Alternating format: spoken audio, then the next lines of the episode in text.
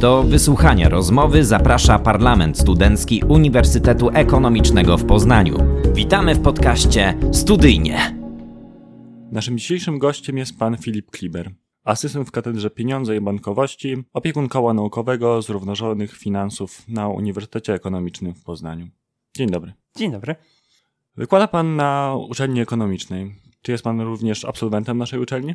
Oczywiście tak. E, no już zwykłem żartować, że z uczelnią naszą jestem związany już dziewiąty rok, tak chyba luźno licząc, ponieważ pięć lat e, studiowałem tutaj finanse i rachunkowość. Wtedy to był jeszcze Wydział Ekonomii, teraz to już jest Instytut Finansów. A potem e, jeszcze dwa lata studiowałem informatykę i ekonometrię, co też gorąco wszystkim polecam, którzy chcą doskonalić swój warsztat od strony ilościowej, wszelkich możliwych obliczeń, rzeczy związanych z ekonometrią i tak naprawdę inżynierią finansową. Jest to bardzo ciekawe uzupełnienie do wszelkich a tak naprawdę możliwości dla zwykłego finansisty, który nie ma tego aż tak rozbudowanego na finansach rachunkowości. Teraz to jest chyba finanse rachunkowość. Y, finanse i rachunkowość biznesu. Bi znaczy to jest biznesu na, na Wydziale Zarządzania, a finanse rachunkowość to jest na. To było na Wydziale Ekonomii jako stary fil, teraz to jest finanse rachunkowość inwestycje bodajże. Finanse, audyt, inwestycja. Faj. Taki jest skrót głównego kierunku Instytutu mm, Finansów. Potem wyjdzie, że nie pamiętam dokładnej nazwy przedmiotów. Eee, tak czy inaczej, dwa lata potem jeszcze było ekonometrii. To jeszcze w takim fajnym połączeniu z Uniwersytetem Lotaryńskim. Też zawsze będę gorąco polecał Erasmusy studentom, bo są niesamowite możliwości na, na naszej uczelni. Więc 7 lat studiów i teraz już drugi rok pracy w ramach jako asystent, więc już dziewiąty rok związany z naszą uczelnią opowiada pan o tym z dużą pasją, czyli brzmi tak, jakby od początku gdzieś ten wybór o uczelni ekonomicznej był pewny. Czy rozważał pan inne? Kiedyś, dawno, dawno temu, w czasach licealnych, człowiek na początku coś tam rozważał, może jakąś politechnikę, ale gdy odkrył, że fizyka nie jest aż tak fajna, prosta i przyjemna jak w gimnazjum, to stwierdziłem, że trzeba wybrać coś, co będzie troszkę bardziej mi pasować. Stanęło na ogólnie pojętej ekonomii, no ale do tej takiej zaawansowanej matematyki właśnie w, w postaci ekonometrii człowiek też w pewnym momencie wrócił i trzeba było się przemóc i liczyć więcej, no bo jest to niestety konieczne też w karierze naukowej. Najlepsze wspomnienie z czasu studiów? Myślę, że licencjat, mimo wszystko, bo człowiek się dopiero aklimatyzował jako student w Poznaniu, miał tej najwięcej takiej świeżo poznanej wolności, jak się wyprowadził z domu rodzinnego do, na coś własnego, wynajmowanego, no, nowi znajomi, jakieś nowe możliwości. Myślę, że to są takie najciekawsze lata, kiedy człowiek się dopiero zaznajamiał z uczelnią. Pierwsze zajęcie z matematyki z profesorem Matłoką, to też jest przeżycie niezapomniane. Decyzja o zostaniu na uczelni i karierze naukowej. Marzenie od dzieciństwa, czy gdzieś wykreowało się to już podczas studiów, samych studiów? Wykreowało się to podczas samych studiów, ponieważ na początku to miało być takie marzenia typu audyt, zostanie audytorem finansowym. Podczas licencjatu swoje zrobiłem podczas praktyk naukowych i odkryłem, że raczej to nie jest stricte to, co chcę przez pierwsze lata swojego życia zaraz po studiach robić, bo było to bardzo żmudne, bardzo takie jednostajne, robiło się non-stop to samo, a jednak w tej karierze naukowej człowiek ma więcej możliwości do popisu. Praca jest też zupełnie inaczej się pracuje, bo to nie jest tak naprawdę, nie wiem, 8-16, a tak naprawdę jeżeli się robi dużo 8-22, bo zawsze jest coś do przeczytania, zawsze jest coś do napisania, zawsze jest jakaś nowa idea, pracy audytu takiego, czy w ogóle w korporacji można się odciąć po, po wyjściu z pracy, jak się ma szczęścia. Nie wiadomo, kiedy jakiś ciekawy pomysł padnie do głowy w tej pracy. Ma to swoje plusy, ma to swoje minusy. A czym konkretnie zajmuje się teraz Pan jako asystent? Przede wszystkim na chwilę obecną e, wszelką pracą związaną z pieniądzem, w sensie tak jak mój promotor, pan profesor Marszałek, e, pisze bardziej w kategorii pieniądza, na przykład tekst o CDBC, czyli o pieniądzu cyfrowym. Jeden właśnie się teraz ukazał w monografii poświęconej e, historii systemu z Bretton Woods. To jest bardzo ciekawa też pozycja, gdzie nasi pracownicy pisali artykuły. No i przede wszystkim ogólnie pojęta polityka pieniężna i bankowość centralna. Ale prowadzi Pan również zajęcia ze studentami. Yy, tak, przede wszystkim z bankowości i rynków finansowych. Przejdźmy teraz do głównego tematu naszej rozmowy. Jest pan opiekunem kole zrównoważonych finansów naszej uczelni. Mhm. Skąd w ogóle wziął się pomysł na założenie tego koła? Znaczy, e, koło naukowe założyliśmy właśnie w Katedrze Pieniędzy Bankowości e, razem z panem magisem Dawidem Banasiem, e, moim kolegą z gabinetu i nie, nie, tylko z, nie tylko z katedry, ale również z gabinetu. Wpadliśmy na ten pomysł przede wszystkim dlatego, że ogólnie pojęte zrównoważona gospodarka i zrównoważona ekonomia jest jednym z kluczowych aspektów badawczych naszej uczelni.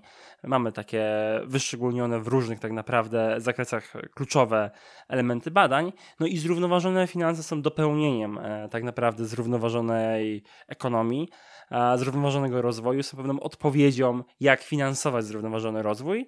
No i naszym zdaniem brakowało takiej katedry poświęconej bezpośrednio zrównoważonym finansom. Jesteśmy Instytutem Finansów, więc stwierdziliśmy, że spróbujemy otworzyć taką możliwość dla studentów, by troszeczkę się o tych zrównoważonych finansach więcej dowiedzieli. No przy okazji, będąc opiekunami, my również a możemy doskonalić naszą wiedzę, nasz warsztat i nasze umiejętności dotyczące zrównoważonych finansów, bo to jest temat, który cały czas się rozwija. Na naszej uczelni jest jednak już dość dużo mm, kół naukowych i różnych dodatkowych organizacji. E, o ile się nie mylę, około 70. Nie było obaw o, o niską frekwencję, gdzieś o zgubienie się wśród tych pozostałych kół? Oj, zawsze są. Założyć koło naukowe raczej prosto nie jest, ale mieliśmy doświadczenie innych kolegów z katedry, którzy prowadzą e, bankiera koło naukowe. E, podpowiedzieli nam trochę, w jakim kierunku pójść, jak to dobrze zrobić. No i mamy obecnie na dzień dobry 8-9 członków. Jako początek myślimy, że to jest całkiem solidna liczba, która może sprawić, że w przyszłości przyjdzie nam więcej chętnych do naszego koła naukowego. Myślimy też, że po naszej stronie stoją ogólne zmiany wśród studentów, które można zaobserwować. Studenci są coraz bardziej uczuleni na przemiany środowiskowe, zmiany klimatu, interesują się tym tematem i to koło naukowe właśnie będzie bezpośrednią odpowiedzią dla nich. Długo działa koło? Y, koło tak naprawdę działa od 1 stycznia. To dopiero pierwsze kroki. To dopiero pierwsze kroki, już pierwsze spotkania oczywiście się tam odbywały troszeczkę wcześniej, ale oficjalnie zostało założone z początkiem stycznia, e, kiedy uczelnia przeprocedowała potrzebne tak naprawdę zgody, ale zainteresowanie już było wcześniej, więc dlatego też procedury trwały wcześniej. Czym więc zajmują się członkowie koła na co dzień? Tak naprawdę dopiero po pierwszych spotkaniach ustalamy naszą agendę na przyszłość. Były się już oczywiście te wszystkie potrzebne, najważniejsze spotkania, zostały wybrane e, uczelnie koła. Na dziś planujemy ze studentami, by spróbowali stworzyć swoje pierwsze artykuły e, naukowe poświęcone zrównoważonym finansom. Jeśli są oczywiście będą zainteresowani na chwilę obecną, odzew z ich strony jest całkiem pozytywny.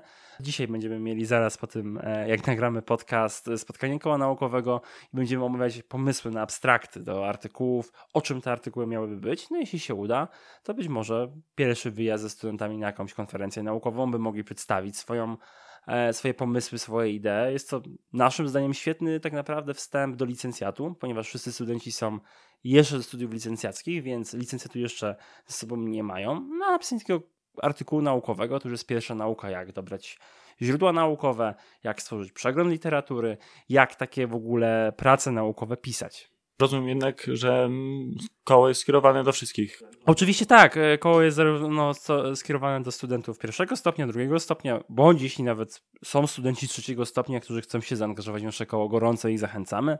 Wszyscy studenci, niezależnie od instytutu czy stopnia mm, nauki, mogą do naszego koła aplikować i e, jestem przekonany, że za zawsze z chęcią ich przyjmiemy.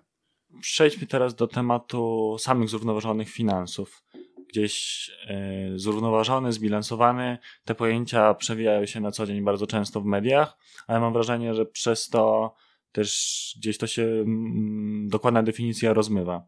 Czym więc są zrównoważone finanse? Bardzo ciężko jest tak naprawdę sięgać po dokładne definicje, ponieważ ogólnie rzecz ujmując, zrównoważone finanse, jak już wspomniałem, mają być odpowiedzią na zrównoważony rozwój. Bo pierwszą tak naprawdę rzeczą, którą musimy sobie uzmysłowić jest to, że w szczególności na przykład w Unii Europejskiej jest na to bardzo duży nacisk, by obecny rozwój gospodarczy był jak najbardziej w sposób zrównoważony, czyli spełniał pewne kryteria związane z jak najmniejszą mm, emisją dwutlenku węgla, by były jak najbardziej tak naprawdę szły w kierunku zeroemisyjności, żeby ten rozwój e, miał jak najmniejsze szkodliwe, niósł najmniejsze szkodliwe zmiany dla klimatu. I zrównoważone finanse mają przynieść odpowiedź dla całego tego systemu, czyli jak przede wszystkim to finansować. E, tutaj mówi się bardzo dużo o tak naprawdę zielonej bankowości, tak? czyli banki zaczynają udzielać kredytu w odpowiedni sposób firmom, które chciałyby realizować inwestycje związane z zrównoważonym rozwojem, ze zmianami klimatu, żeby im przeciwdziałać itd. Tak itd. Tak mówi się coraz częściej, temat na razie jeszcze nie jest bardzo dokładnie rozwinięty, ale oczywiście jest w dyskusjach, by wprowadzić jakieś zielone obligacje ogólnoeuropejskie, które emitowane będą na poziomie całej Unii Europejskiej, dzięki czemu będą zbierane środki na nowe inwestycje, e, które mają przeciwdziałać zmianom klimatu, e, bądź zapewniać zeroemisyjność, zmieniać, e, nie wiem, zmieniać tak naprawdę profil energetyczny krajów, no bo wiele krajów wciąż ma duży udział spalania węgla, który jest no, dla klimatu niekorzystny. Więc te zielone finanse um, tak naprawdę mają nam przynieść odpowiedź, jak w jaki sposób to finansować. Pojawia się też wiele zagrożeń, jak greenwashing, czyli sytuacja, w której czy to banki, czy to korporacje udają, że są zielone, żeby stworzyć pozytywny odbiór. Bardzo często i bardzo um, mocno jest zauważalne, że faktycznie wielu konsumentów, ponieważ to nie wiem, bioekologiczne, albo faktycznie ma to mniejszą emisyjność dwutlenku węgla, to jest skłonnych wybierać takie towary mimo wyższych cen. No i greenwashing jest sytuacją, w której firmy udają, że takie są, żeby sprzedawać swoje towary. I przeciwko temu też trzeba jakoś w pewien sposób przeciwdziałać i być świadomym tego zagrożenia. Wspomina Pan dużo o działaniach podejmowanych z inicjatywy europejskiej Unii. Jak wygląda sytuacja w Polsce? Zainteresowanie ze strony rządu bądź mm, prywatnych przedsiębiorców? Prywatni przedsiębiorcy są na pewno zainteresowani e, wszelkimi trendami, które są no, zgodne ze społeczeństwem. Jeżeli w danym społeczeństwie trendy, bądź można też użyć słowa, pojawia się moda na rzeczy związane z, z ogólną zielonością, że, że, będę używał takiego słowa, jest silna, no to firmy będą ten trend podłapywać. No już dzisiaj widzimy, że bardzo wiele banków na przykład oferuje zielone obligacje swoim e, klientom.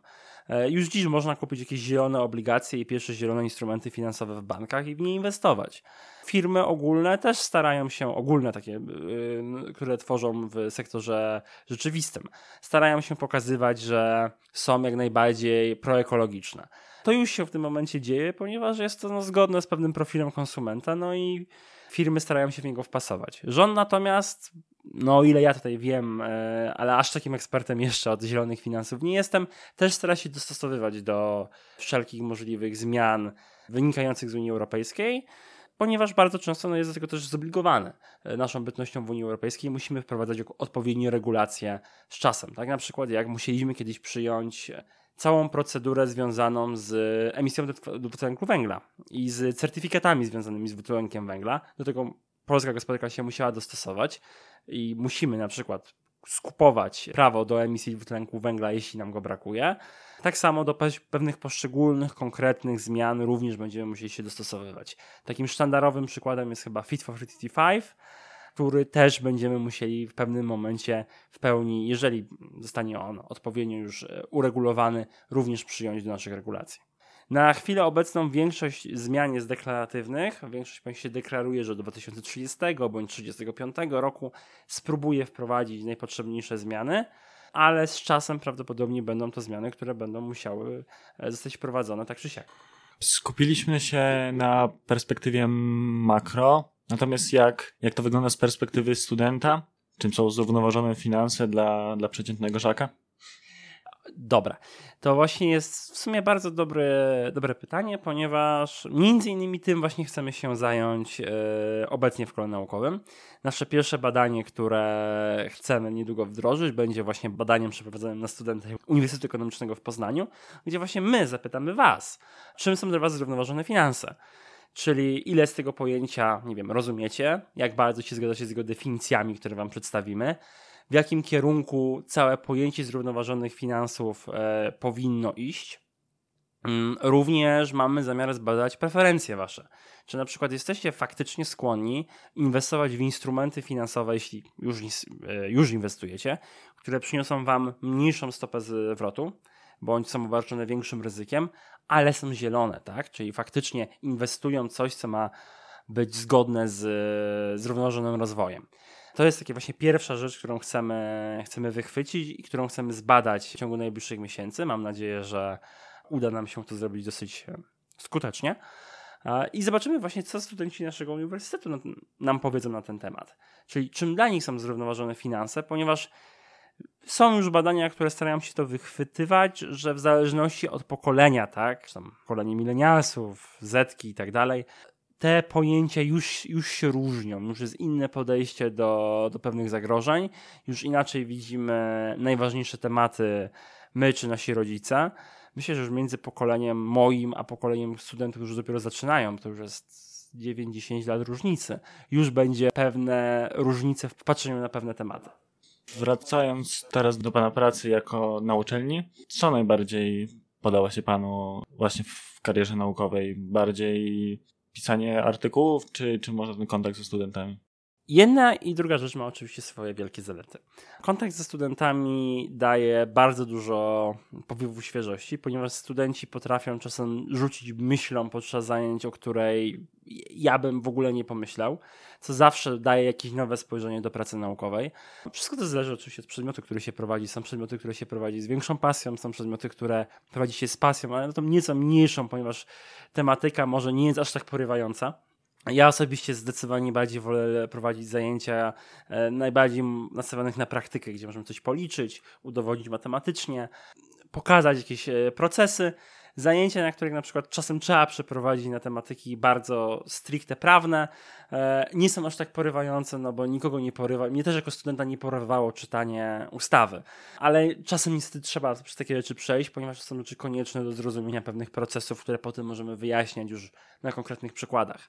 A są to też rzeczy konieczne, żeby kiedyś nie dać się oszukać po prostu na rynku, ponieważ no niestety oszustów no nie brakuje, którzy starają się e, bazować na nieznajomości prawa, no a studenci Uniwersytetu Ekonomicznego powinni wyjść przynajmniej z taką wiedzą, która pozwoli im się ustrzec od e, wielu różnych niebezpieczeństw na rynku finansowym. Tak, tak to ujmijmy.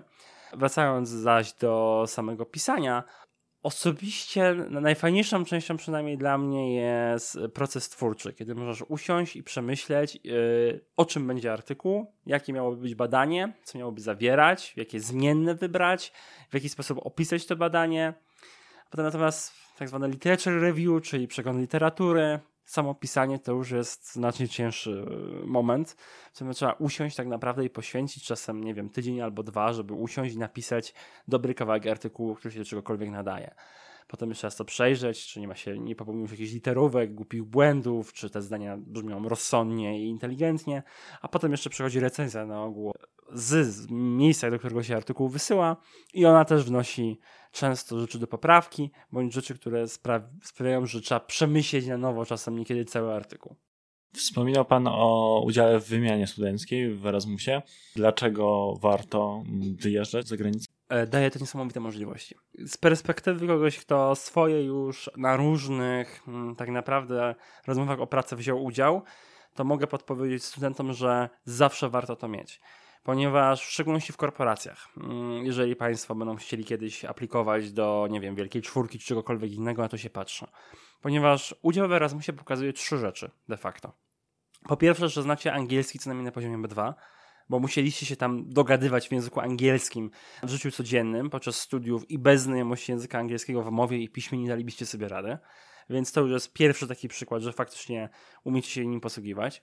Druga rzecz pokazuje pewną waszą zaradność, no bo musieliście na pół roku, no 4-5 miesięcy, wyjechać do obcego państwa, poradzić tam sobie, jakoś tam funkcjonować, czasem nie znając języka, który tam się normalnie posługuje, bo wiadomo, że ten angielski nie jest zawsze wystarczający, w szczególności na przykład we Francji. To jest no właśnie, bo był pan we Francji. Byłem we Francji i posługiwanie się po językiem angielskim we Francji poza uniwersytetem to była, to była mordęga i czasami nie dało się podstawowych rzeczy załatwić. Ale wracając jeszcze do, tych, do tej listy rzeczy, no i trzecią rzeczą jest tak naprawdę wasza praca w grupie, ponieważ wszelkie rzeczy, wszelkie tak naprawdę prace, które się wykonuje na Erasmusie bardzo często polegają na pracy w grupie na jakimś zadaniach, które musicie wykonywać, niekiedy pod presją czasu, ponieważ macie na przykład tylko jedna, jedno zajęcie albo jeden tydzień na jakiś duży projekt.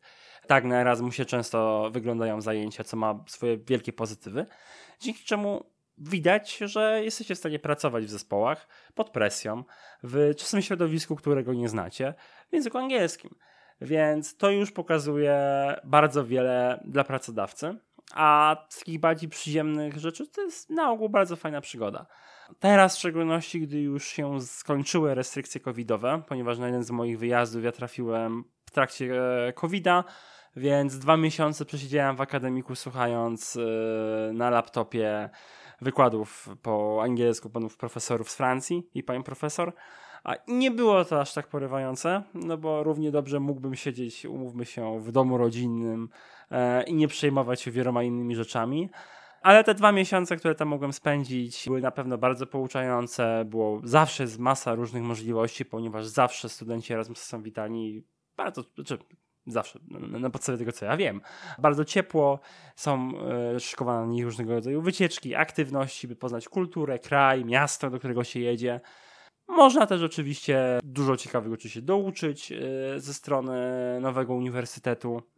Jeżeli się też, nie wiem, oszczędnie gospodaruje, pojedzie się do najtańszego państwa i się oszczędnie gospodaruje tym, co teraz wypłaca, można coś odłożyć, to też zawsze mieć 300 euro, a nie mieć 300 euro, jakby powiedział e, Kowiru, to już jest 600 euro, tak? Zawsze coś można dodatkowego zwiedzić, dodatkowego się dowiedzieć. Zawsze gorąco każdego zachęcam, żeby pojechał, bo to jest niesamowita okazja. Skupialiśmy się na pracy na uczelni i na zrównoważonych finansach, ale na pewno ma pan poza tym jakieś pasje? Co robi pan w wolnym czasie? Dobra, i to jest pytanie, wyjaśnienia będą długie i dobrze, że mamy ten czas, żeby o nich być może opowiedzieć. Dobra, pierwszą rzeczą, którą już tak naprawdę, jak ostatnio liczyłem, chyba w okolicach 6 lat, to będzie Quidditch. Czyli sport z Harry'ego Pottera przyniesiony do świata rzeczywistego. Od 6 już ponad lat w Poznaniu istnieje drużyna Poznań Capricorns. Gramy w Mistrzostwach Polski, czasami nawet dwa razy co prawda w połączeniu z innymi zespołami byliśmy na turniejach międzynarodowych. Członkowie Poznań Capricorns grają w polskiej e, kadrze narodowej, która obecnie jest dziesiątą drużyną w Europie po ostatnich mistrzostwach Europy, więc wbrew pozorom wiele pewnie osób się będzie śmiało, gdy to słyszy, ten sport jest bardzo ciekawy. Połączenie jest tak naprawdę to, co najistotniejszego ze świata Harry'ego Pottera pozostało, czyli są trzy pętle, są tuczki, są kafle, jest złoty znicz.